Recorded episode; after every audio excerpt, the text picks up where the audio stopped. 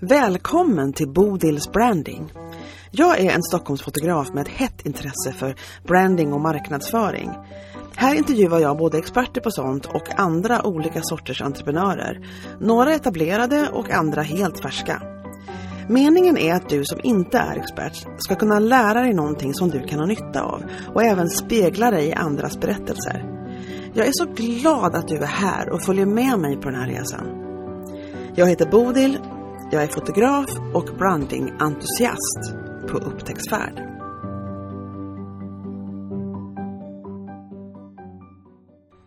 Ja, den här gången kommer du att få vara, sitta på första raden och verkligen uppleva ett av mina hjärnsläpp. När jag plötsligt frågar vad min gäst heter, för jag glömmer att hon heter Malin, som jag egentligen vet och undrar om hon heter Ulla-Bella.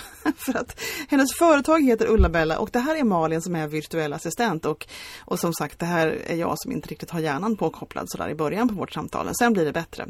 Eh, vi kommer att eh, gå igenom en hel del olika saker och jag hoppas att vi kan inspirera, ge lite kunskap och eh, kanske också ge en väg framåt för dig som kanske själv funderar på om virtuell assistent kan vara någonting för dig. Men, men lyssna så får du höra lite mer i slutet om det. Här kommer samtalet med Malin. Nu är vi igång och jag sitter här med en helt ny människa framför mig, så live-ny i alla fall ska jag säga. Och det är, ja men heter du Ulla-Bella eller är det företaget? Nu slår det mig plötsligt. Heter du Ulla-Bella? Nej, jag heter Malin, gör jag. Jag kom på det nu också. Och, det, och sekunden du skulle svara mig nu så insåg jag, jag vet att hon heter Malin, jag har just läst på hennes hemsida. Jobba med ja. Malin är så enkelt, hon är så strukturerad och trevlig. Ungefär så har jag, ja, har jag ja. läst om dig. Och var kom mm. Ulla-Bella ifrån då? Ja men Ulla-Bella, jag var ute efter ett namn som jag kände, jag vill ha ett namn som är lätt att komma ihåg och som eh, vissa personer över en viss ålder har en koppling till. Eh, jag ja, har det. Ja. ja. du har det ja. ja, ja. Vad härligt. Eh, det brukar vara så, är man någonstans under 30, runt 30 där så är det inte säkert att man har hört talas om Ulla-Bella. Eh, och då går man in och tittar på ett klipp och så tänker man, jaha, oj, nu förstår vi inte så mycket här. Men eh, det är ett härligt namn och det fastnar, fastnar för många. Men gud vad roligt. Och då tänkte du att målet var att ska, om de som är nyfikna ska googla och fortfarande inte förstå någonting. Det var ju en, ja. the most confusion we can possibly achieve. Det är målet för dig, Malin. ja, nej, men det, det är ju sådär eh, det var, alla tittade på det här programmet eh, mm. för, för ganska många år sedan. Ja. Så att, eh, det är ju så, så att de flesta vet ju och kommer ihåg den här sketchen med mm. Ulla Bella. Mm. Ja, det är roligt. Nej, men, mm. eh, jag sa just det när jag just förepratade lite grann här efter lite lätt tekniskt strul som vi redan har etablerat eller bestämt oss för att acceptera att så går det till i dagens virtuella, mm. mycket virtuella med tanke på hur det var förr, värld. Ja. Att, att i början när du sa det, du sa att man, man är som van sig vid att det strular, teknik strular, man, men det löser sig alltid. Ja. Eh, och så får man se det. Och eh, jag tänker på att det var verkligen inte så, jag tror att jag har någon slags uppfattning av, det är inte på något vis vetenskapligt baserat det här, men någon slags uppfattning av att det var mycket mer stress över teknikstrul innan Zoom-världen kickade in här nu under pandemiåret, eller hur? För det var bara ja. liksom, det var någon som var tvungen att ha någon slags teknikföreläsning eller keynote och inte visste hur allting funkade och litade hets liksom och tungt på den som jobbade med tekniken på just det stället de skulle vara den dagen. Eh, ja. Men nu är liksom var, var, var alla vi någonstans eller inbillar jag mig i alla fall, har vi varit på minst ett Zoom-möte på något sätt. Tror du inte det? Mm. Jo, men det tror jag. Och, eh, och som, absolut, som du säger, det, är mer accepterat idag att, att ja. eh, man träffas och man pratar via Zoom. Och ibland så skickas någon ut och man kommer in igen och, mm. och man får börja om och sådär. Så att, eh, mm. Jo, jag tror att det är mycket, mycket mer vanligt nu. Verkligen. Men vi ska försöka undvika att bli små kattungar här du och jag i bilden. När vi, såg, mm. du det klippet med han som hade någon slags konferens med någon som hade kattansikte hela tiden och kunde inte komma ur det filtret. Utan han nej, bara var en nej. katt hela mötet. Ja. Det tyckte jag var fantastiskt. vi, vi kan skippa det just nu tänker jag. Kan... men men okej, okay, jag tycker vi är på god väg faktiskt att få till ett, ett teknik... Det här avdelningen av mötet teknik, teknikstrul löst. Det var ja. en, a mouthful. Men då, då mm. ska vi gå tillbaka till, till det som gäller mellan dig och mig. Vi känner inte varandra alls, men jag har haft koll på dig. Och jag tror faktiskt det är ett extremt bra drag av dig med det här namnet. För att jag, jag, jag eh, kommer ihåg att jag känner till ditt namn sedan länge faktiskt. Ah, eh, online. Och jag använder aldrig virtuella assistenter som du faktiskt är. Eh, mm. Så någonstans så har du gjort någonting rätt. Ehm, ja.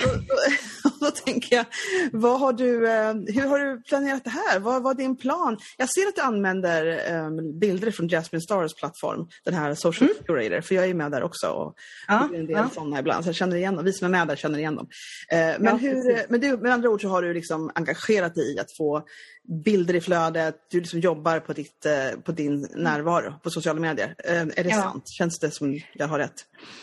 Ja, det är sant, du har rätt. Ehm, och jag upplever att det är, det är viktigt att synas där eh, idag mm. i sociala medier. Oavsett om man känner att man egentligen det, det kan vara svårt också. Det kan vara tufft. Mm. Det tar tid. Alltså de som säger att det bara kommer gratis att bara lägga upp någonting. Det är ju inte sant. Utan någonstans mm. så måste du också bestämma dig för att engagera dig um, och lägga upp i dina kanaler. Eh, och det som jag vet inte är min styrka, det, jag är inte den personen som hela tiden tar bilder överallt och jag är inte så bra på att uppdatera hela tiden med mina egna bilder. Så hittade jag Jasmine Star och tycker att ja, men de här bilderna passar mig, det, det är ett flöde som jag liksom kan använda mig av. Mm, ja. Eh, och, ja. Så, så jag försöker synas där några gånger i veckan. Hur, du, du, du håller på att jobba med företagare eftersom du är virtuell assistent. Eller är det andra människor mm. som använder virtuella assistenter som inte jag inser?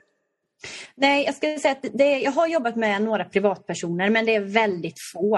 Eh, ja. Så jag skulle säga att det är 95 procent av dem jag jobbar med är företagare. Ja, jag förstår det. Jag, förstår det. Mm.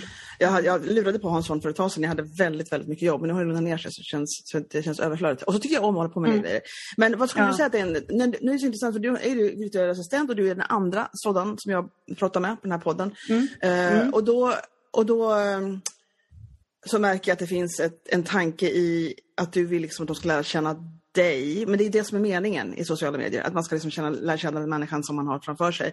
Eh, men mm. du, hur, hur liksom startade du, förstod du det från början? När du startade dina, ditt företag kanske och dina konton. Startade du företaget långt innan du blev aktiv på sociala medier? Eller hur, låg det till i tids? Ja, li lite innan gjorde jag det. Några månader innan. Eh, och sen så har jag väl också, det har också varit en resa för mig att hur ska jag marknadsföra mig på sociala medier? Vad är det jag vill få fram? Vad är det jag ja. Eh, känner att det här kan jag stå bakom och ge ett värde till de som är på mina kanaler. Ja. Eh, men jag startade först upp företaget för att veta, är det här någonting som jag känner är gångbart? Eh, ja. Vad är det jag liksom kommer ha för inriktning och sådär. Mm. Så att eh, jag ska säga att kanalerna kom ja, i andra steg, steget. Och vad kom du ifrån för bakgrund? Vad gjorde du innan? Eh, jag har, kommer från försäljning och marknadsföring som jag har jobbat ja. med i många, många år. Ja. Ehm, och sen, eh, jag jobbar på, både på marknadsavdelningar som Key Account och Trade Marketing Manager och så.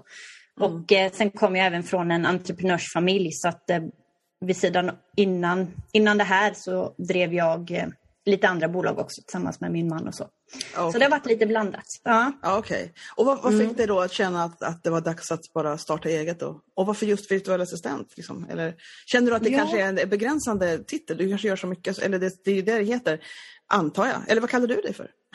Jag kallar mig för virtuell assistent. Gör jag. Ja, ja. ja och eh, inte begränsande skulle jag säga för att det är en så pass bred titel som gör att du kan ju i stort sett jobba med vad som helst inom det här paraplyet virtuell assistent.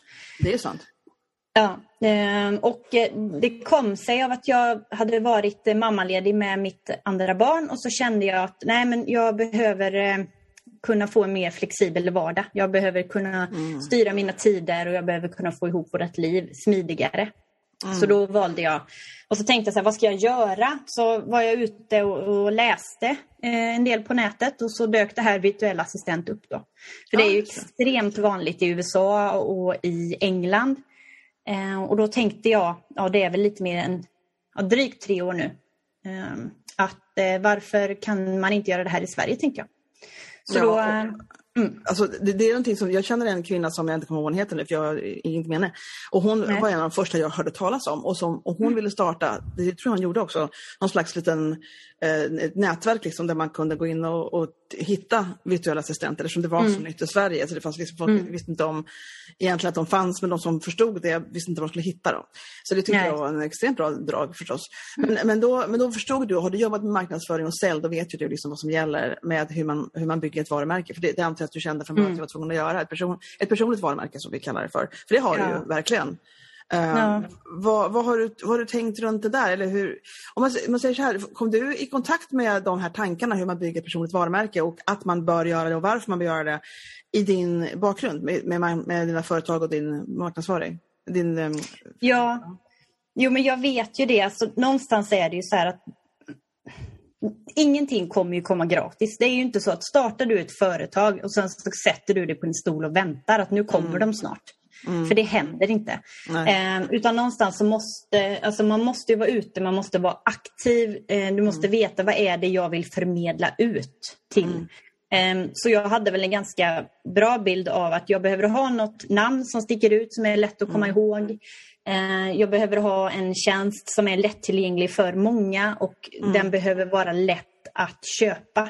Mm. Och sen, tänkte du när du eh, tänkte lätt att köpa? Vad, vad, har du gjort för att få den att vara lätt att köpa? Eh, som virtuell, du kan ju välja egentligen hur du vill debitera och hur du vill sälja din tid eh, i mm. virtuell assistentvärlden. Eh, det som har gjort för mig är att jag har gjort det väldigt flexibelt för att man kan köpa timme per timme i stort sett. Mm.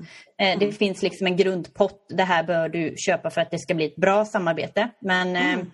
har gjort det extremt flexibelt. Eh, så att ja. även om man är ett väldigt litet företag eller ensamföretag till och med så ska man kunna ja. använda en virtuell assistent. Då. Ja, just det. Jag kan tänka mig att det är många som Ja, ensamföretag, jag har ingen aning om hur statistiken ligger, men det finns ju många väldigt små företag om inte annat. Mm, eh, mm. Och, och, och, jag tror också väldigt många ensamföretag. Där man liksom, och så mm. kommer man till en gräns där man inte riktigt vet hur, hur man, jag vet inte hur mycket folk lyssnar. Jag lyssnar extremt mycket på poddar och följer mycket bloggar mm. och mycket om marknadsföring och entreprenörskap och, och företagande i princip på olika sätt. Ja. Eh, och då är det mycket det här liksom att om du vill växa och expandera så måste du ta in ett team, eller du måste ta in hjälp helt enkelt. Du kan inte, ja. du kan inte göra allt själv. Eh, jag har hittills gjort väldigt mycket själv. Men det var ett mm. när jag tänkte att ja, jag skulle nog behöva, det här och det här kan jag liksom leja ut. Men vad är det som, ja. och så har jag ändå inte gjort det. Så då undrar jag, vad är det Nej. som gör att de som till slut liksom känner att Nej, men nu finns det ingen återvändo, jag måste ha, jag måste ha Ulla-Bella. Liksom. Vad, ja. vad, har du upplevt för sam, samma liksom drag? Eller det kanske inte finns. Finns det något samma drag hos ja. Jag ska säga att det är egentligen två två steg när man börjar fundera att ta in en virtuell assistent. Antingen är det när man är på toppen, som du var när du hade den här liksom, eh, pucken och säger att jag, nu mm. borde jag verkligen ta in någon. Mm. Eh, antingen känner man då att jag borde ta in någon men jag hinner inte sätta in den personen i det just nu. Jag orkar inte okay. det. Utan då kör man bara på. Ja. Eh, eller så tänker man så här, ja men okej jag är i min puckel här, ja men nu kör vi på och så tar man in virtuell assistent och så gasar man direkt. Eller ja. så är man i den skeden där du är nu till exempel, när du har kommit ur en puckel. Det är ju nu egentligen som är det bästa skedet för dig. Söka upp en virtuell assistent. Ehm, det här skulle jag eh, vilja jobba med framöver. Det här kan dyka upp. Och redan mm. nu då börja liksom skapa ett samarbete med en VA. Eh, så Intressant, det var ju verkligen två, helt, det var verkligen två helt olika ställen att vara på. Ja. Och ändå mm. passade på båda ställena. Det är bra för dig. Mm. Mm. att det passar. Ja, men, känner, men, känner inte du att, att det är, eh, att nu kanske det är mera det borde du veta. Eller känner, känner du att det är mera eh, att folk vet om att virtuella assistenter finns och vad man ska ha dem till? Finns det någon slags allmän kunskap bland företagare om att det är en tjänst man borde ha eller är bra att ha? Det börjar komma mer och mer. Alltså i början ja. när jag startade, då fick jag ju förklara för varenda människa som jag träffade ja. person, ja. vad, vad, är det för något? Men hur kan det funka? Hur är det ens möjligt? Eh, Medan jag upplever nu eh, också så har pandemin hjälpt till lite grann att folk är mer vana nu att jobba digitalt. Man inser att man behöver inte sitta bredvid den personen som man jobbar tillsammans med. Eh, mm, så att eh, det blir lite vanligare, vanligare och vanligare skulle jag säga. Men pratar du om det i, din, i, din, eh, i dina kanaler? Om, liksom, för det, det är det man pratar om med en del tjänster och produkter. Man måste mm. utbilda mm. kunderna. För de förstår mm. inte vad de ska ha den till eller att den finns. Eller om de snubblar över den här tjänsten eller produkten så har mm. de ju inte först någon koll på hur den ska användas. Liksom det, här. Nej, det finns en, en utbildningsväg att gå innan det här blir någonting som folk eh, vill ha. För de förstår då ja. plötsligt vad det är till ja. för. Känner du att det, att det är en utbildningsfas fortfarande och ägnar du det åt det aktivt i dina kanaler? Det är absolut en utbildningsfas fortfarande skulle jag säga. Eh, och eh, periodvis så är jag tyvärr lite dålig på det. Men nu har jag liksom insett, okej, okay, minst en gång varannan vecka eh, så ska det ut ett inlägg som är förklarande. Mm. Vad är en virtuell assistent och vad är det som man kan jobba med då? Eh, liksom vridet och vändet på olika sätt. Eh, för jag inser att ehm, det är liksom inte färdigutbildat på långa vägar. Nej, nej just det. Jag förstår det. Jag, jag är lite i den positionen med branding, fotografering också. Att jag inser mm. att folk inte riktigt fattar vad, vad vitsen är med det. Nej. Eh, de, de kunder jag haft tycker att oh my god vad fint det blev. Så ungefär den upplevelsen har de och så använder de mm. bilderna. Mm. Så det är jättebra. Eh, mm. Men det är liksom inte det här att de förstår inte riktigt eller den gemene man förstår inte riktigt skillnaden när det gäller att bygga sitt företag och sina sociala kanaler. Vad är det för skillnaden på att ha en fotograf eller ha sina egna selfies? Eh, mm, och vad, vad, vad, som är värt, vad som är eh, säga, eh, anledning till att investera. Det är den grejen. Ja. Eh, mm. Men det tror jag kommer komma mer och mer, så jag är tålmodig. I det här mm. området är jag tålmodig. så det ska väl ja. komma. Men då tänker jag också på det där att jag måste utbilda mer om vad skillnaden är. Och har ja. lurat, lurat mycket på det där. För jag är, nu är jag uppe i en, i en fas som du håller på med ett tag som, som är att, att bygga mitt personliga varumärke. Att folk ska förstå vem jag är, känna precis mm. de känner mig. Eh, mm. Att jag liksom kan erbjuda, jag är inte expert på sociala medier och marknadsföring och jag säljer inte de tjänsterna. Så jag vill Nej. inte liksom framhäva mig som en sån. Men podden är så perfekt för att förmedla liksom andras kunskap. Så det är perfekt. Jag vill verkligen att folk ska lära mm. sig mycket. Jag tycker det vore väldigt roligt ja. om de kunde det. Men jag vill inte sälja de tjänsterna. Och då tänker jag någonstans Nej. måste jag komma in och prata mer om och, ut, och utbilda om vad jag är till för. Det är det lite ja. grann jag håller på med. Så du säger en mm. gång varannan vecka tänker du hålla på med sånt? Ja, men det känns, känns det ofta jag... nog verkligen? Tycker du det känns ofta nog? Ja, ett tag så tänkte jag att man skulle ha det eh, en gång i veckan. Men mm. så kände jag så här, nej men jag, jag landade i en gång varannan vecka så börjar jag där och sen så får vi se om jag känner att jag behöver göra det mer. Ja. Eh, sen är det ju det här med sociala medier, någonstans är det så här, du kan lägga hur mycket tid du vill. Eh, mm, mm. Och, och, någonstans så når du ändå inte alla personer som man vill nå. Nej, för det är algoritmer och du når inte fram och du liksom... Ja. Eh, så ehm, de, det brukar ju säga så 80-20 att man kan ju ha mm. 80 eh, procent av liksom värde i sina kanaler och 20 procent kan ju vara lite mer säljande. Så, mm. Mm. så ehm, ja, vi får se om det, ja. om det är tillräckligt eller inte. Ja, men spännande. Precis, spännande. För det, ja. det, det, här är något som man verkligen kan, kan, och jag tror man kan testa också och se hur det känns. Men, mm. men det är väldigt mm. mycket så att man, man får inte, man, man, det var så kul för jag hade ett intervju med, min, de två första som jag släppte på premiären, det var med Jenny från Solén, om Jenny Persson, och så var det mm. eh, Mikaela Are som, som jobbar som career strategist, jag tycker det hennes namn. Eh, men hon, ja, hon, hon, hon är arbets, så är man, vad säger man, yrkesvägledare egentligen. Hon, har så, hon är så mycket mer. I alla mm. fall, så Jenny sa då när jag pratade med henne att man får inte glömma, eller kanske var en live hon hade, att man får inte glömma att man, man får, alltså det är inte förbjudet att sälja. liksom. nej, Ibland nej. får man meddelandet om, känns det som att du ska bara liksom vad den, alltså bygga ett personligt varumärke. Det är vad du ska hålla på med. Mm. Du ska skapa mm. relationer, mm. du ska kommentera andras, du ska ha, ha, en social relation med dina följare och med mm. nya människor. Med så. Och, och då känns det ibland när man pratar i de områdena så känns det ibland som att det är förbjudet liksom, att sälja, sälja sin tjänst liksom, i princip. Ja. Eh, mm. men det är ju inte det. Och då måste man bara hitta balansen och förstå liksom, att det, det, det, ska inte vara, vi är inte här för att hela tiden sälja våra grejer men vi får även sälja våra grejer. Den här ja. balansen, den är lite klurig, mm. eller hur? Ja men det är den absolut. Men det är ju också, någonstans måste du också komma ihåg att du har ett, alltså, om man har ett företag då, det ska ju ändå in pengar. Pengar ska ja. in på kontot. Du måste sälja dina tjänster. Ja. Om du inte berättar vad det är du faktiskt säljer utan mm. att man bara är god och glad och kexchoklad och det är liksom mm. och man, värde hela tiden. Mm. Eh, någonstans, okej okay, men vad är det du säljer? Vad är det du faktiskt erbjuder? Har du ja. ett paket just nu? Har du en kampanj? Eh, har du eh, eh, ja, men nu får du den här fotograferingen till det här priset eller vad det än må vara. Berätta det. Mm. Mm, precis. Jo, man får väl göra, ja, absolut. Man, har ju, det är det man är där, alltså man är ju där mm. för att berätta om, om sig själv och sitt företag och att, skapa, mm. att, att, hänga med andra också, vilket mm. jag tycker är väldigt roligt. Så för dig är det liksom inte ett problem. Uh, har du någon planerings... Uh, lägger upp det på något... Det här är frågat alla och jag är jättechockad över att så få har det. Men har du ett planeringsverktyg som du använder? Eller inte? Ja, absolut. Instagram. Ja, absolut. Ja. absolut. nice. Ja, men, nej, men annars får inte jag, annars håller jag ju inte koll på vad det är som ska göras, när det ska nej, göras, okay. vad det ska läggas upp, min röda tråd. Eh, så att jag har ju eh, om man tänker, tänker du sociala medier framför allt? Ja, ja framför allt. Vi kan börja där i alla fall. Ja, mm. eh, jo, men det har jag. Och just i mitt fall så använder jag mig egentligen av ett Excel-dokument som jag liksom ja. lägger upp i veckor. Eh, nu ska vi se, jag har ju gått Alexandra Bylunds, bland annat, hennes webb, eh, liksom social media manager-utbildning. Ja, ja. Eh, och eh, där visar hon liksom förslag, eh, bland annat på hur man kan lägga upp lite olika strategier och planer och sådär. Mm.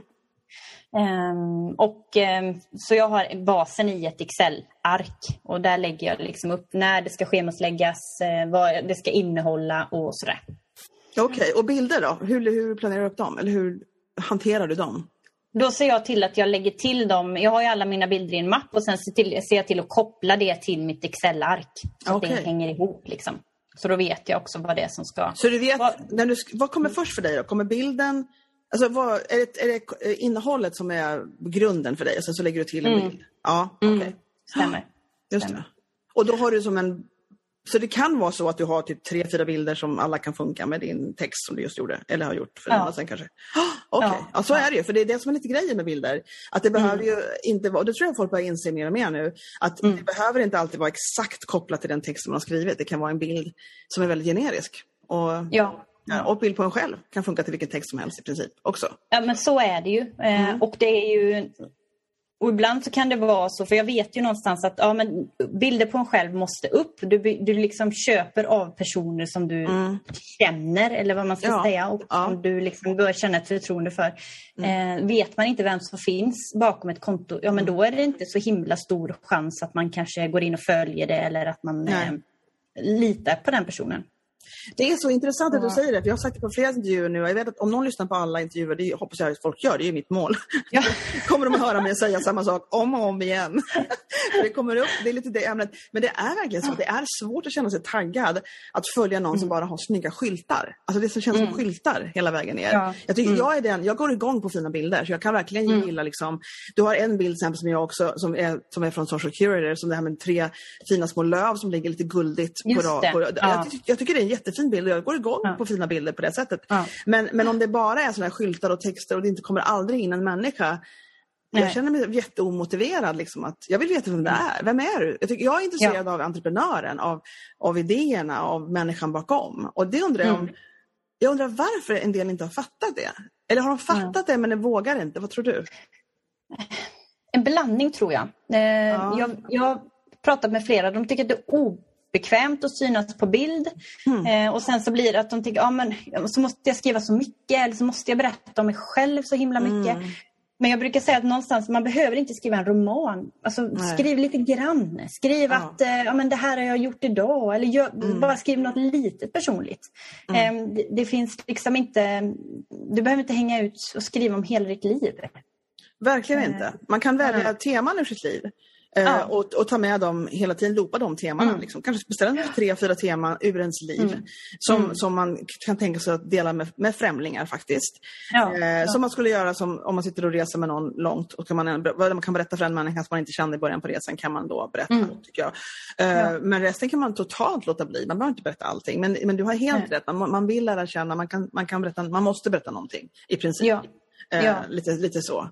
Och inte ska, är det så att du rådgör eh, kunder om deras eh, sociala... Alltså det är det du håller på med också. Du, du coachar dem och guidar dem i hur de ska vara aktiva på sina kanaler också?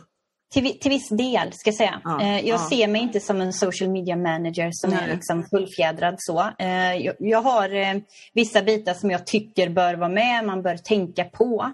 Mm. Som, som jag säger och mm. tycker till om, absolut. Mm. Okej. Okay. Mm. Vad tycker du är roligast att göra? I ditt, det som du, om man säger du, du håller mest på, gud berätta, vad gör du mest? Vad gör du egentligen hela dagarna? Ja, det är en ganska vanlig fråga, så här, men vad gör du egentligen Ja, men det kan måste ju vara olika beroende på vem man jobbar med för tillfället kan jag tänka mig. Men... Ja, så är det ju. Absolut. Ja, ja. Um, och det är väl det som är tjusningen också, att det är många olika kunder, många olika branscher och sådär. Så att uh, jag mm. lär mig väldigt mycket hela tiden. Så det, det, är väldigt kul jobb. Är det. Mm. Um, men um, det är ju alltifrån administration, vad som kan innebära allt det runt omkring där och det kan vara mailboxar och man är inne i filer, man är det finns kundservicefrågor, sociala medier absolut, hemsidor, mm. mm. projektledning och sådär. Så att, oh, wow, ja, det är verkligen massa olika delar. Vad går du igång ja. på mest då? Vad tycker du är roligast? Det, det glider lite extra i ögonen när du får ett sånt jobb, uppgift. Ja, men jag kan ju tycka att det är lite härligt att komma in ibland när det är lite kaos, missförstå mig rätt. Att man känner så här, ja, men nu vet inte jag riktigt vad jag vill växa eller var ska jag ta vägen? Vad ska vi göra? Hur kan vi ja. liksom sortera upp, fixa liksom framåt så att vi får ordning och reda på saker. Så att man sen, för det är ligger grunden bra oavsett företag, det är då som det går att ta ett bra avstamp också komma iväg och komma någonstans. Alltså det låter så himla man... bra Malin, men, men vad, hur definierar du grunden? vad är grunden? För ja, men jag skulle säga att, du, att det, det, finns ett, eh, ett sunt arbetssätt som, eh, och det finns en, en gedigen tjänst, att det här vill jag erbjuda, att man har liksom bestämt sig, det här är det som jag jobbar med. Mm. Eh, det kommer komma massor massa erbjudanden hela tiden. Ja, men vill du göra det här eller jobba med detta? Eh, så, så det finns en gedigen eh, grund i tjänsten som sitter. Du vet, det finns en röd tråd. På det här sättet vill jag nå ut. Så här skulle jag vilja marknadsföra mig. Så här vill jag upplevas. Mm. Eh, och sen att det sitter också vissa tekniska bitar. Vad har, ligger mina program? Sitter min mm. hemsida? Alltså så. Mm. Alltså det här med vad man vill erbjuda, det, sånt kan ju tweakas med tiden lite grann. Absolut. Eh, men, men jag tycker att det är intressant att, att många som börjar, jag, jag, tänker kanske mest på fotograf, men det här är inget fel. Eh, men alltså det kan vara så här att man tror att man måste jobba, att man måste ta alla kunder. Att man måste vara mm. tillgänglig mm. för alla kunder. Man behöver mm. verkligen inte vara det, utan man kan verkligen Nej. på riktigt bestämma sig för, det här är nischar, man kan, man kan bestämma sig för en eller två grejer man vill mm. göra och bara göra dem. Och mm. man är tydlig med att, att och prata högt och tydligt om det. För då, då är det mm. de människorna som behöver det och vill ha det och värdesätter det framförallt. Som ja. dras, dras till en då mm. Eh, på det sättet. Så det, men det kan ja. vara lite lurigt i början för man tror som företagare, för, för det, i grunden så måste man tjäna pengar. Man måste vara liksom ja. lönsam. Eh, och och då, då kan man bli lite, det kan vara svårt att sätta gränser på kunder. Det, mm. det, kommer jag ihåg från början när jag jobbade som fotograf för länge sedan. Mm. Och jag har mm. sett det i andra. Och, eh, sen så går en del igång på att göra allt möjligt men marknadsföringsmässigt är det inte det bästa. Alltså. Man, man, för det, det finns alltid någonting som man och det är sånt här som kanske kommer med tiden, för man, man börjar möta olika kunder, möta olika uppgifter. Och till slut så inser man att jag trodde jag skulle gilla att göra det här, men det gör jag faktiskt inte. Jag gillar det här, här borta bättre. Och, då ja, är det, och det, sånt där kommer ju med tiden och med erfarenhet självklart. Så det är ingenting man behöver vara kristallklar på i början. Men, men i, i princip så är det bra att vara extremt tydlig med. Och då, varför, om man ska vara extremt tydlig med vad man erbjuder, då måste man ju mm. köra sånt som man själv tycker är roligt. Eller? Ja. Fel? ja. Jo men så är det ju. Och ja, Sen kan jag också tycka att det kan vara ganska, man kan också tänka lite strategiskt. Säg att du har tre grundpelare i ditt företag då, som mm. du erbjuder. Okej, okay, vad är det som är minst känt? Vad är det som jag kan sticka ut mest som person? Um, och då kan man också tänka lite mer strategiskt, framförallt på sociala medier. Mm. Um, för det är också någonstans de, de ska ju se ditt konto oavsett vilken kanal du är i och tänka, ah, just det, hon jobbar med det. Hon är ja. en virtuell assistent eller hon är en eh, eh, vad ska vi säga, fotograf som tar brandingbilder Absolut. Eller någonstans. Mm. Jag tror också, men jag tror man, som du säger, så att, jättebra att vara strategisk och fundera. Det finns flera också. En del människor har olika tjänster och så droppar de den som mm. är minst lönsam till exempel. Att mm. de fokuserar mm. på det som faktiskt ger mest marginal och ger mest pengar. Mm. Och det är också en strategi ja. som en del äh, gör och många gör skulle jag påstå. Uh, men, men, men det är ingen idé att droppa sånt som man älskar för att göra sånt man hatar. Utan man måste hela tiden nej, ha någon nej, slags rättesnöre i vad, vad går jag fast igång på. Och om man gör ja. det så blir det i princip så, så borde det, om man gör rätt, så borde det bli lönsamt. Uh, men men uh, och det är väl det som är det tuffa ibland för många som kanske startar eget företag eller man är ett mindre företag. För man startar det för att man brinner för en sak. Mm. Eh, och sen så åker det ju med administration, ekonomi, allting det här yes. andra som man kanske själv inte startade företaget för.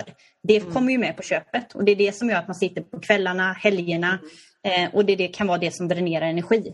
Eh, så att, ehm, ja. Ja men verkligen. Det, det, finns ju så, ja precis. För det, man har en passion för någonting och det är det man vill hålla på med. Men, men ska man driva ett mm. företag så måste man hålla på med väldigt mycket mer saker än bara det. Eh, mm. om man mm. inte från början bara outsourcar allt som man inte tycker om. Det kan man ju göra precis. men ofta så handlar det om budget, att folk inte har budget för det.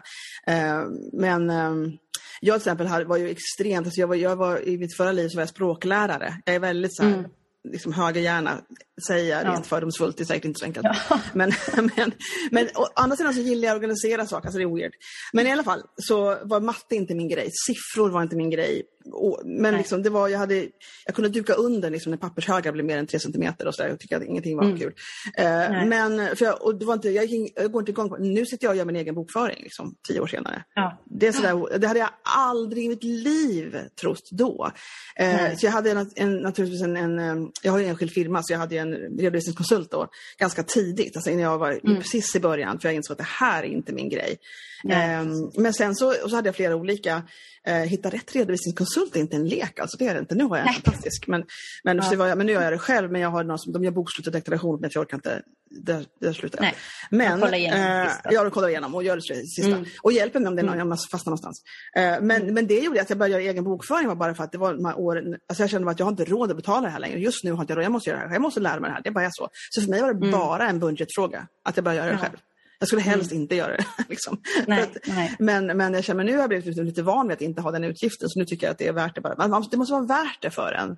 Ja, och, och, men sen säger en del att, att man det har jag också hört om som säger, vill du expandera, vill du ha tid att verkligen eh, växa på ett bra sätt och liksom ägna dig åt det som är din talang och din passion. Mm. Så ska mm. du inte, även om du kan, så ska du inte hålla på med andra saker. Alltså du ska Nej. alltid leja ut de sakerna.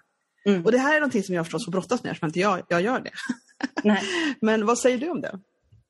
Nej, men jag, jag tycker det är ett sunt tankesätt för att det som man, även om man kan det som du säger, du brinner inte för det. Nu kanske du har börjat tycka om det mer. Eh, just siffror och ekonomi och så. Men Nej, inte alls faktiskt. Inte alls. Inte alls. Du bara gör men det, det, Men det finns en tillfredsställelse i att klara av uppgiften. Det är en liten kick ja, i det. Ja, det. Ja. det är inte min grej egentligen. Nej, då kan så. du landa i något i alla fall som är positivt. det, finns en viss, det finns någon slags belöning, ja det gör det. Ja, just det. Ja. Mm.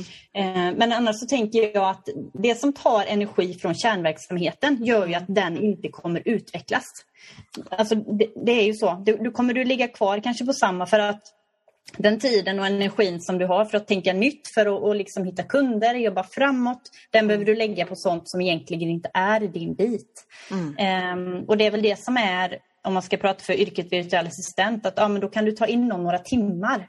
Ehm, mm. Det är inte så att du sitter på kostnader som blir extremt höga, utan du tar in den hjälpen och de timmarna eller köper något paket på det som du behöver. Mm. Och sen har du inga anställda, du har liksom ingenting annat. Um, så att man behöver inte sitta och göra allting själv. Nej, och vet vad, jag, jag tror, grejen är att jag går helt emot vad jag egentligen tror på. För jag tror egentligen mm. på att det är så. Alltså jag vet mm. att det är så. Att man, mm. ju mer tid man har att lägga på eh, det som man, är, det som man är, har talang för, det man, har, alltså det man mm. verkligen känner att man, det är ens grej. Och mm. vad, det behövs mycket tid för det. Och det är klart att om jag sitter en hel dag och gör månadens bokföring, då gick mm. den dagen till månadens bokföring. Alltså det är bara så. Ja. Istället för att jag gjorde eh, kampanjer och sociala medieinlägg och grejer som jag, som jag förstås gör andra tider. Alltså det här, och ja. Folk lever olika och jag har väldigt mycket energi så jag kan lätt sitta liksom, och göra saker för jag tycker allt är kul i princip, utom bokföringen. Ja. och, och, och, därför så gör det inte mig någonting att sitta en fredagkväll inne vid min dator och hålla på eller vid telefonen Nej. väldigt mycket också. För jag tycker mm. det är en kick. Det är roligare för mig än att, egentligen än att uh, snöa in på en säsong av någonting på Netflix. Ja, eh, beroende på vad det är förstås. Men... Ja. Mm. Ja, nej, så jag, jag, tror fler än jag går emot sin mm. egen, eh, sitt eget tro, trossystem, man ska kalla det för, ja. i företagande. Det tror ja. jag. Ja, men det, men, det ja. tror jag absolut. Och, och, det är ju som du säger, men sen är det mycket budgetfråga med. Det är mm. klart att man, man kan ju inte lägga ut någonting om det inte finns några, några pengar att betala Nej. med. Såklart. Nej. Men eh, man måste också våga. Eh, och, så, ja. och våga testa saker och ting och våga delegera ut och bort. Och, frigöra Skulle, sk, håller du på med, eh, vad har du, vad kör, hur kör du ditt, eh, liksom, du sa att du ville frilägga tid, det var därför du började eget företag. Du ville, eller, mm. du ville framförallt eh, ha makt över din tid antar jag. Med. Du, du ja. har sagt mycket som många andra entreprenörer gör. Men eh, vad säger du har, eh, hur, hur, vad är dina prioriteringar när det gäller hur du lägger upp din tid med tanke på att du kan det? Um, för det första ska jag väl säga att även om man tänker att man startar eget för att man ska vara väldigt flexibel i sin tid så har jag ju fortfarande mycket kunder och andra VA som jag samarbetar med som gör att jag har ju ändå till viss del en bunden tid. Mm. Eh, sen är det ju så här att jag kan planera mina dagar. Eh, kanske så att ja, men nu behöver jag göra den här saken. Jag behöver inte säga till någon om, om jag ska åka iväg eller det ska mm. liksom eh, fixas eller donas saker utan det går att lösa det då. Eh, annars så skulle jag säga att jag, jag Eh, prioriterar eh, mina kunder först eh, och sen så kommer min business efter. på gott och ont för att någonstans ibland så man blir ju lite skomakarens barn i alla yrken skulle jag säga. Så det är också någonstans, jag vet att nu ska jag sätta mig och vidareutveckla mitt och mitt tankesätt, precis som vi pratade om innan här. Ja, ja. Men, ja, men jag ska bara hjälpa ja. min kund att göra färdigt detta och så här. Ja. Så att eh, det är, det är inte lätt där, men eh, mina kunder går alltid först. Så ja. Mm. Jag förstår, det blir deadlines så måste man ju bara göra det. Det är sådana saker som mm. händer. Mm. Absolut. Och det finns, ja. naturligtvis har man bundna tider. Jag tror det är mer det här, för jag var ju mm. lärare i 13 år innan jag klev av slutligen och, och blev ja. fotograf. Uh, och då var det, då är det extremt låst yrke. Alltså man är ja, i det här det. rummet med de här barnen den här tiden. Det finns ingenting som kan flexa där. Liksom. Nej, Utan det, så är det. Så hela dagarna är totalt inrutade. Um, mm. Så jag var ju till och med liksom lite i positivt, positivt chocktillstånd när jag liksom klev av och satt klockan två en eftermiddag och drack te på ett spa. Jag menar, är det möjligt? Kan man göra så här? Går det klockan ja, två på en ja, eftermiddag? Ja. Det var, det var så här lyckorus, jag var nästan hög i månad. Um. För att jag hade aldrig upplevt det förut, helt enkelt. Det här. Och då Nej. var det ju, och då var det innan jag hade mycket kunder också så jag hade mycket tid. Eh, och ja, då var det verkligen en euforisk upplevelse att inte vara så inrutad, inte, inte vara så mm. bunden. Mm. Men det är klart att om mm. du har, men jag har bokningar så har jag bokningar kan jag inte säga att jag går hellre på stan utan jag måste naturligtvis fotografera Nej. den här kunden. Nej. Vilket inte gör mig någonting ja. för det är ja, askul. Men, men, mm. Eh, men naturligtvis är man, är man bunden. Men det finns också den här grejen att man, en, man har ändå makt, man har också som du har uppgifter som ska göras och det finns en deadline mm. och folk litar på att mm. det blir klart och de är beroende av att det blir klart. Man har ju en tjänst man utför och har fått ja. beställt. Liksom. Ja. Men jag tror att ändå finns det i grunden en, en vetskap av mm. att om jag känner att om det händer något med något av mina barn, mitt barn man, eller mm. någonting, man kan säga på tisdag, vi måste flytta om det här till en annan dag för på tisdag måste mm. jag göra en annan sak. Man har den ja. makten. Och, och, det är ja. det tror jag som också ger en, en, en lyckokänsla, för mig i alla fall en lyckokänsla. Och, och, mm. Um, och det, så även om man är bunden, har folk, har kunder, har grejer som ska hända en viss mm. tid, så mm. har man ändå den yttersta makten över det. Någonstans. Ja. Ingen chefen har inte det, man, man, man är chefen själv. Upplever inte du det, Malin? Jo, men det gör jag. Det gör jag. Alltså, om, jag om jag tänker på andra som jag har i min omgivning som är eh, som har barn i samma ålder som jag har och så, så kanske mm. jag i, så har inte jag längre samma stressnivå Nej. som jag hade när jag jobbade på ett, nu höll jag på att säga vanligt jobb, missförstå mig rätt, men när jag var anställd. Ja. Um, utan jag har um, Sen, jobb, sen, sen, får man ju ibland ta igen saker och ting på kvällar och helger om man liksom inte hinner med det. Men som du mm. säger, jag kan absolut styra om saker. Jag kan eh, ha den yttersta makten över min tid. Ja, så är det ju. Alltså, det här är ganska viktiga saker för att när man, när man håller på och... För en del glömmer det, att de har makten. Mm. Och de tar mm. liksom mm alla jobb. Och ibland så kan jag tala om så mm. finns det perioder man måste ha in pengar och, och är helt okej att ta alla jobb som kommer. Na, naturligtvis. Ja. Eh, men ja. jag säger också att en del glömmer när de har mycket. Alltså, jag, jag snackade om det en gång på ett, på ett nätverksmöte faktiskt och pratade för då hade jag så mm. extremt mm. mycket kunder. Och grejen är den, har du för mycket kunder då är du för billig. Alltså så enkelt mm. är det. Så när du börjar få så fullt så du så folk står du inte har tid med människor. Då måste du höja priserna.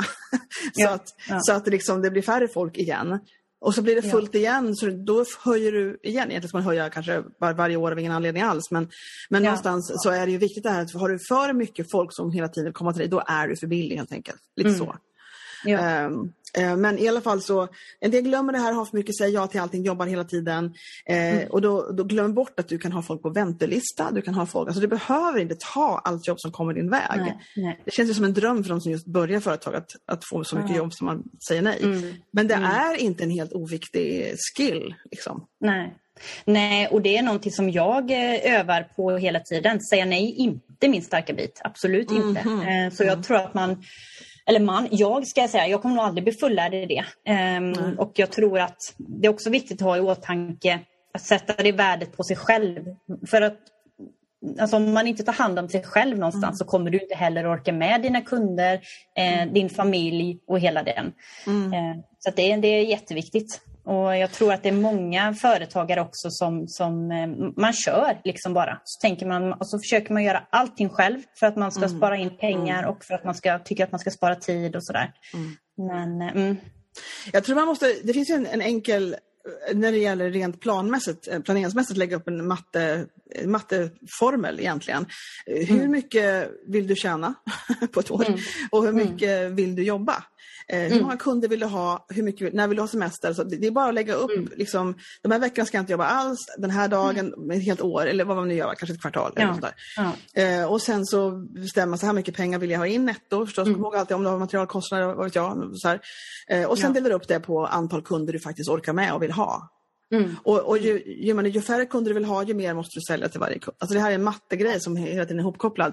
Eh, mm. Eh, och sen kan man aldrig garantera vilka kunder man får, men att man vet var grunden ligger någonstans. Att man, ja. att man ja. faktiskt, om, om jag bara tar så här mycket mer på fem kunder per kund, ja men då mm. kan jag ha fem kunder istället för sju kunder. Och det är några timmar mm. mer som jag fick tillbaka då. Och det här är mm. sådana här matteformler som jag tror väldigt få, antar jag, jag, allt jag gör på den här podden är ren spekulation, men jag antar att det är många som inte gör det. Utan de bara tar det och har ingen koll på vad de egentligen vill. Alltså både tidsmässigt och pengamässigt vad de egentligen vill. Mm. Känner ja. du, tror du det är vanligt? Jag, jag upplever det så i alla fall. Ja, jag tror att det är jättevanligt och jag mm. tror eh, jag tror också att det är väldigt än mer vanligt. Man kanske har en tanke om det här skulle jag vilja nå och sådär men jag tror att det är få personer som faktiskt tar steget och skriver ner det på papper. Mm. Och jag tror ännu färre är, okej okay, nu har jag skrivit ner det en gång, jag tror att det är väldigt få som sedan jobbar med det. Mm. Eh, utan man ja. tänker så, ah, men nu har jag gjort det här en gång, nu är det färdigt. Ja. Eh, så ehm, ja, jag, jag, det är bra. Det är bra att följa upp sin verksamhet oavsett ja. vad man jobbar med eller vill ja. jobba med. dit man vill nå. Hur ligger jag till? Vad hände? Vad kan jag göra bättre? Ja, verkligen. Att utvärdera lite mm. grann och, se, se, och inte bara låta det flyta omkring. Alltså jag har varit mycket så, tror jag. jag kommer ihåg precis i början när jag fotograferade. Så jag har snackat priser förut alltså med andra intervjuat jättemycket med andra företagare om prissättning mm, mm. och vad som ska för priser och vad är det för bas för dem. Och, och mm. Det är väldigt få som sagt som gör den här, den här mattegrejen. Eh, ja. Men då vet jag att jag i början hade noll, jag hade ingen koll på mina kostnader, hade ingen koll på mina, så inte koll på någonting i princip. Och, och då så Um, jag kunde till exempel om någon, och det här liksom att man, att man, att man har någon slags emotionell koppling till vad andra spenderar för pengar på en. Mm. Eh, att man kan tycka att oj vad dyr jag var, det här var lite jobbigt när de ville betala så mycket. Och, och, att man liksom ja. inte kan stå för vad man kostar i princip. För, det, mm. för vad man kostar är baserat i hur mycket du vill tjäna och hur mycket du vill jobba. Det har inte med ditt ja. personliga värde att göra, det har inte med deras plånbok att göra. Det är bara, ett, det är bara en siffra som har att göra med grundförutsättningar i princip. Mm. Men då vet mm. jag att jag kunde liksom bli så, så emotionellt liksom påverkad av kunder som, nu snackar jag porträtt, som köper porträtt, familjer och barn, ja. fotograf som jag var då. Mm. Uh, och köpte mig då största storleken för det priset jag hade. Jag hittade en gammal prislista, helt chockad över att jag tog betalt på den tiden. Men, men det var så billigt så det var inte klokt. Men då kunde jag ändå bli chockad om det gick några tusen på ett porträtt. Och då ja. kunde jag liksom slänga in en, en uppgraderingsram som en jävla belöning för att de spenderar pengar med mig. Liksom. Jag hade ja. ingen koll på vad den kostade mig, hade ingen aning om. Och när den ramen kom in, jättesnygg, vad vet jag, 70-100, mm. alltså vansinne. Så kunde jag bara ge bort den för att de var så duktiga att de spenderade pengar. Alltså, det var, alltså, vi snackar liksom stenåldern i utveckling på liksom prissättning. De var Tills så snälla och köpte De var så snälla att de köpte ja. en stor bild av mig. Ja. Då måste de få en uppgradering som kostade mig 2000 kronor liksom, i grunden. Det var helt sjukt. Ja. Eh, och ingen, ingen koll. Men tills någon upptäckte det här och skickade mig på kurs. Ja. Annan fotograf som sa nu, nu slutar vi med det här omedelbart. Nu måste du gå till den här kvinnan och få lite koll på vad du håller på med. Ja. Eh, och det här är, är, tror jag inte bara jag, utan det finns fler som liksom har inte koll på kostnader, har inte koll på vad nej, de behöver göra. Eh, och i grunden finns det ju ett, ett um, ja dels så är det ju i princip ingen koll är en ganska vanlig egenskap hos människor. Eh, ja. Eller så kanske jag projicerar eftersom det har varit så hos mig. Ja. Mm. Men jag tror att det, det är någonting som, eh, som också finns, det finns en, problem, en problematik i egenvärde.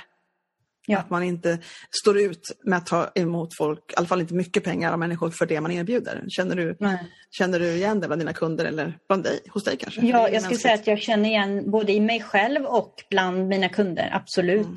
Eh, just det här att man tänker att, ja, men är det här tillräckligt bra? Eh, funkar det här? Och någonstans är det bara så här att man får ju bara prova sig fram någonstans. Mm. Det kommer vara obekvämt. Alltså det är klart mm. att det är obekvämt som varje gång som jag har höjt mina priser eller varje gång som mina kunder eh, höjer sina priser. Men det är också då som man kan ta sig framåt, både som person mm. och i sin verksamhet.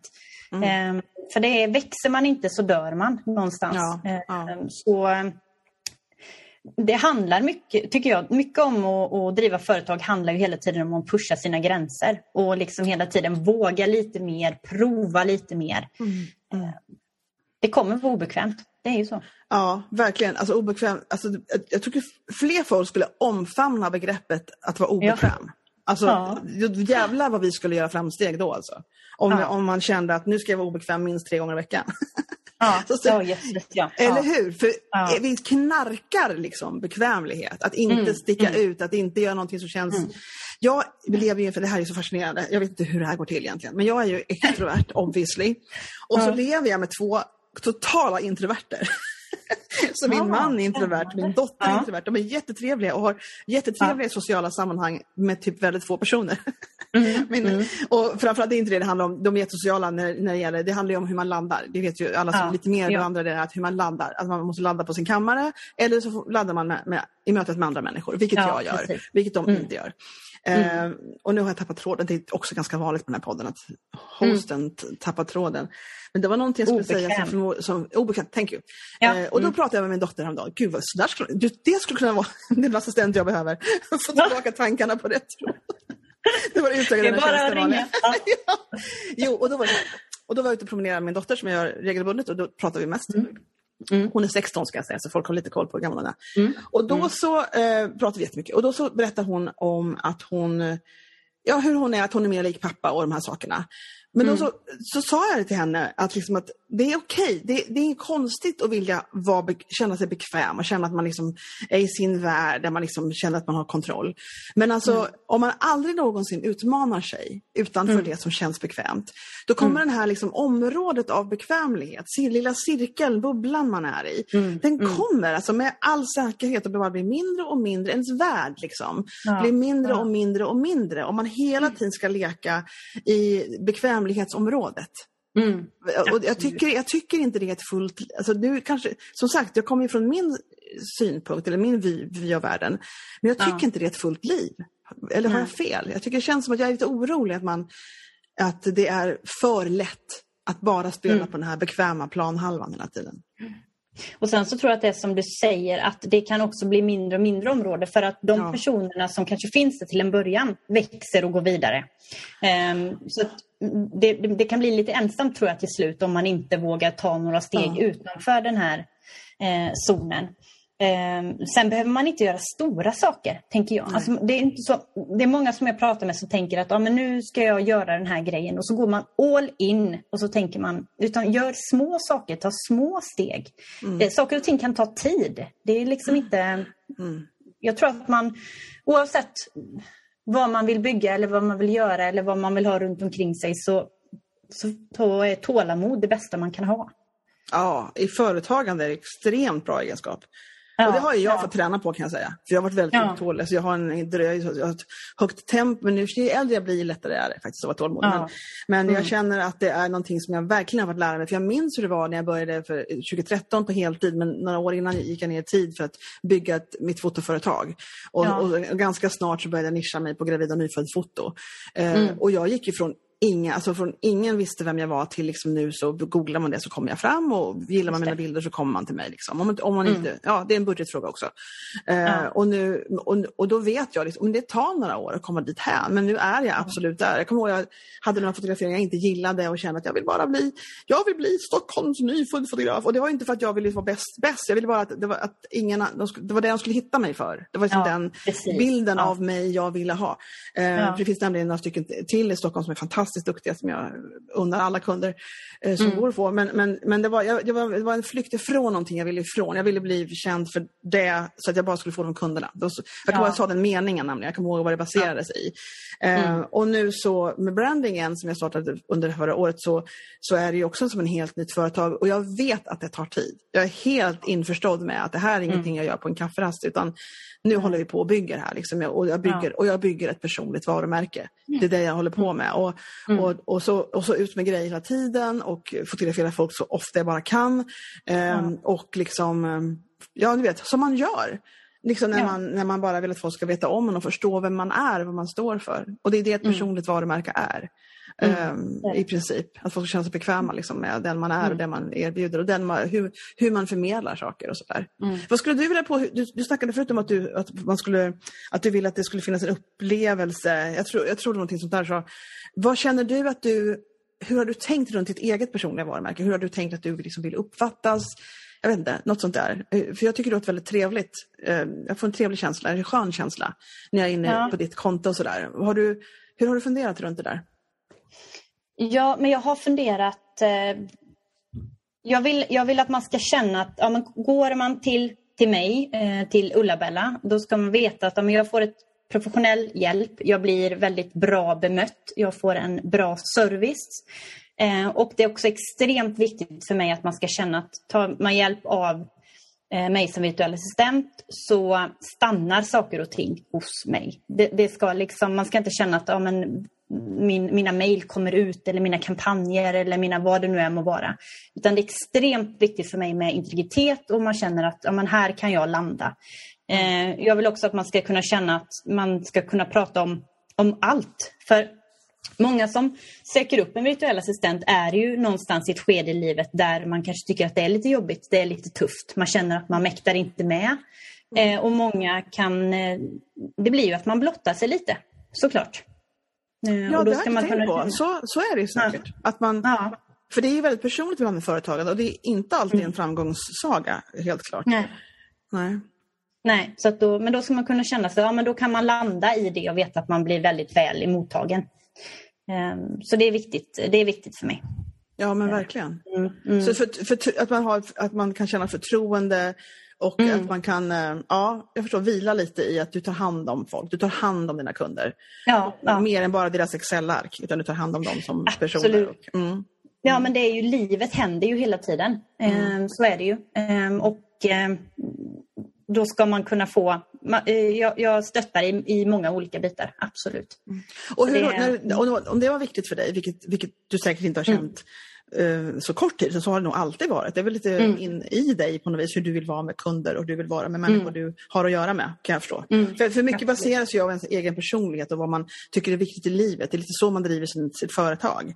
Ja, eh, så, så är det ju. Och hur mm. känner du då att du har, har du haft någon plan för hur du ska förmedla detta? Och har det varit en utmaning någon gång? Eller faller det sig naturligt när du liksom bara uttrycker dig?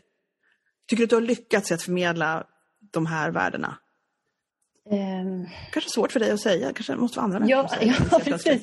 Nej, Jag tror att jag skulle kunna förmedla det eh, än mer, absolut. Mm. Jag eh, eh, tycker att jag får fram det väldigt bra när jag har samtal med de personerna som antingen vill bli kunder eller är intresserade. Då, då har vi absolut eh, ett samtal baserat i de här, liksom, att det bottnar mm. i de här mm. värdena. Mm. Eh, I text och så eh, skulle jag absolut kunna utveckla det mer, så är det. Har du några testimonials? Det har du säkert på hemsidan, har du säkert det? Eller? Kunder eh, ja, det har jag. Ja, ja, ja, just det. det För det kan man ju strössla lite på sociala kanaler också, tänker jag. Ja, så är det ju. Och de, ibland så liksom skickar jag ut eh, dem. Eh, och, och, det är ju en trygghet för, för många. Mm, om det är någon som står i valet och kvalet, vill jag köpa en tjänst eller vill jag mm. inte? Eh, så väger det tungt vad andra personer har sagt. Så det är ju någonting som verkligen. jag verkligen kan rekommendera att man gör. Fråga kunder, samla in de här bitarna. För det är så mycket viktigare än vad man tror.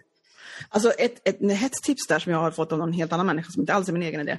Mm. Det är eh, så att, för det, det, jag tycker det är nämligen svårt att be om, be om eh, vad heter det, testimonials, jag kommer inte på det svenska ordet nu. Eh, referenser. Just det, referenser. Ehm, mm. Därför att det är, ett, det, är en upp, det är en arbetsuppgift för dem. Jag vill liksom inte mm. betunga dem med att skriva ihop det här pappret. Alltså det, vill, det känns, tycker jag känns som en stor, uh, big ask som man brukar kalla det för. Ja. Uh, lite grann. Även om de är väldigt nöjda så är det ändå som att du ger dem en läxa att göra. Det är, jag tycker inte det är kul. Uh, men, men en del gör det med glädje, men en del ja, de har gått vidare. liksom. ja, Framförallt ja. för mig, för det jobbar de kanske längre med. Det, men, men mm. ett hett tips då för, för, för andra som lyssnar på det här, tänker jag, det är att man kan göra det, man kan bara spela in det verbalt, alltså man kan bara ta det på, på mobil, alltså man spelar in det muntligt helt enkelt. Och ja. frågar om bara några frågor så, får, och så kan man själv mm. skriva om det sen, eller om man nu vill ha det i text. Eh, och, och någonting som jag tycker är jättekul att höra som någon också tipsade mig om där var att, att man pratar om före och efter. Att man frågar mm. hur kände du innan vi träffades? Hur kände du liksom inför vårt samarbete eller inför det här vi skulle göra tillsammans? Eller inför det, ja, ja kanske till och med bak när du började tänka på att anställa någon. Alltså, hur, vad var dina känslor före och hur mm. kändes mm. det liksom under? Och, och, I alla fall före och efter, absolut. Ja, och, då, ja. och det kan de prata om, man kan bara fråga de frågorna och spela in det på mm. telefonen och sen kan man göra sina egna testimonier eller sina referenser omkring det. Ja. Ja, absolut.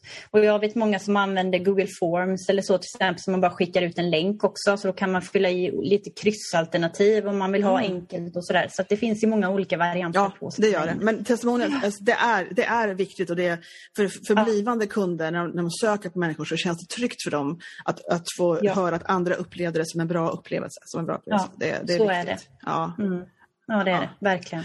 Vad känner du att du har framför dig här nu då Malin? Har du, har du såna, hon säger, finns det någonting som du liksom drömmer om som du liksom går igång lite på när du tänker åh det här, oh, den där grejen skulle jag... Det kommer, om, om, om det kanske inte, det behöver inte ens vara verklighetsbaserat. Nej, men det, jag, eh, jag har precis, eller håller på att släppa en utbildning för andra som vill bli virtuella assistenter faktiskt. Ah. Så det, det har släppt eh, första, första delen, eller lanseringen nu precis i dagarna här. Och sen så kommer nästa lansering i augusti är tanken. Eh, för jag känner att det är jag brinner lite extra för det här, eh, ska jag säga mammor framförallt, för att man ska få ihop vardagen på ett sätt mm. som gör att man eh, mår bättre, att man får ihop vardagen bättre, att det blir en eh, lägre stressnivå, man kan driva mm. sitt eget företag. Och eh, jag ser ju att behovet av virtuella assistenter det ökar ju bara. Och jag inser att ju fler som kommer känna till det, desto vanligare kommer det bli i Sverige. Mm. Ehm, så att eh, det, det brinner jag eh, lite extra för faktiskt. Jättebra att, idé, för det, att du, du vill helt enkelt att andra ska få uppleva det. Du har upplevt att få mm. ha ett företag som går lätt. Ja, man måste ha sina kunskaper självklart, det man hjälper till med, men, men ja. det är ett, ett bra sätt att driva ett eget företag på. Och du ja, det är det. Det, ja, ja. det kostar ju inte alls mycket att starta upp. Du har liksom inga kostnader. Visst, jag har licenser och sådana bitar, men jag har liksom mm. inga materialkostnader, jag har inga mm. tillverkningskostnader. Um, så det är liksom det är ett bra sätt också kanske att starta på deltid med det man har vid sidan av och sen mm. successivt beta över. Så att, det är jättebra, gud vad roligt! Ja. Att kunna liksom ja. låta, låta andra få ta del av det som du, du nu upplever lite grann. Ja, ja. Ja. Absolut. Och visa dem vägen. Ja. Mm, så det känns kul, verkligen. Det, det förstår jag. Vad, vad tycker mm. du har varit eh, på sistone, eller kanske, kanske i början av ditt företag, vad tycker du har varit mest utmanande? Så kanske som du har kommit vidare igenom eller något sånt där som du funderar på? Um, jag skulle nog säga det som vi faktiskt pratade om tidigare i podden, eh, våga och eh, säga nej någonstans. Mm. Jag var överallt, tackade ja till allt. Och eh, tog för dåligt betalt eh, mm. någonstans. Så att det är väl det som jag känner att jag har satt ett högre värde på mina tjänster, på det jag gör. Jag vågar ta betalt och jag vågar eh, ta emot rätt kunder för mig. Eh, mm. Som gör att jag mm. också kan leverera bäst resultat. Mm. Eh, så att det, det skulle jag säga är den stora skillnaden. Och det, det, är någonting som, som, alla kan utveckla. För jag tror att de flesta, när man börjar med någon ny grej, så är det ganska mm. logiskt att man känner att det är svårt att liksom eh, landa stadigt i ens värde. Utan det är någonting som man måste träna på. Jag tror mm. inte alla känner det från början. Alltså, nä, nästan ingen skulle jag påstå. Eh, men därför så är det så bra att koppla ifrån. Som när jag började fota och började sälja porträtt, sälja printade porträtt, då visste jag, jag hade ingen aning om, mm. och, som jag sa, jag hade ingen koll. Men, så jag visste inte vad jag skulle ha för priser, för jag visste inte vad något kostade princip. Men då tog jag bara priserna Nej. på en fotograf uppe för gatan. Nej. Hon hade hållit på i åtta år då.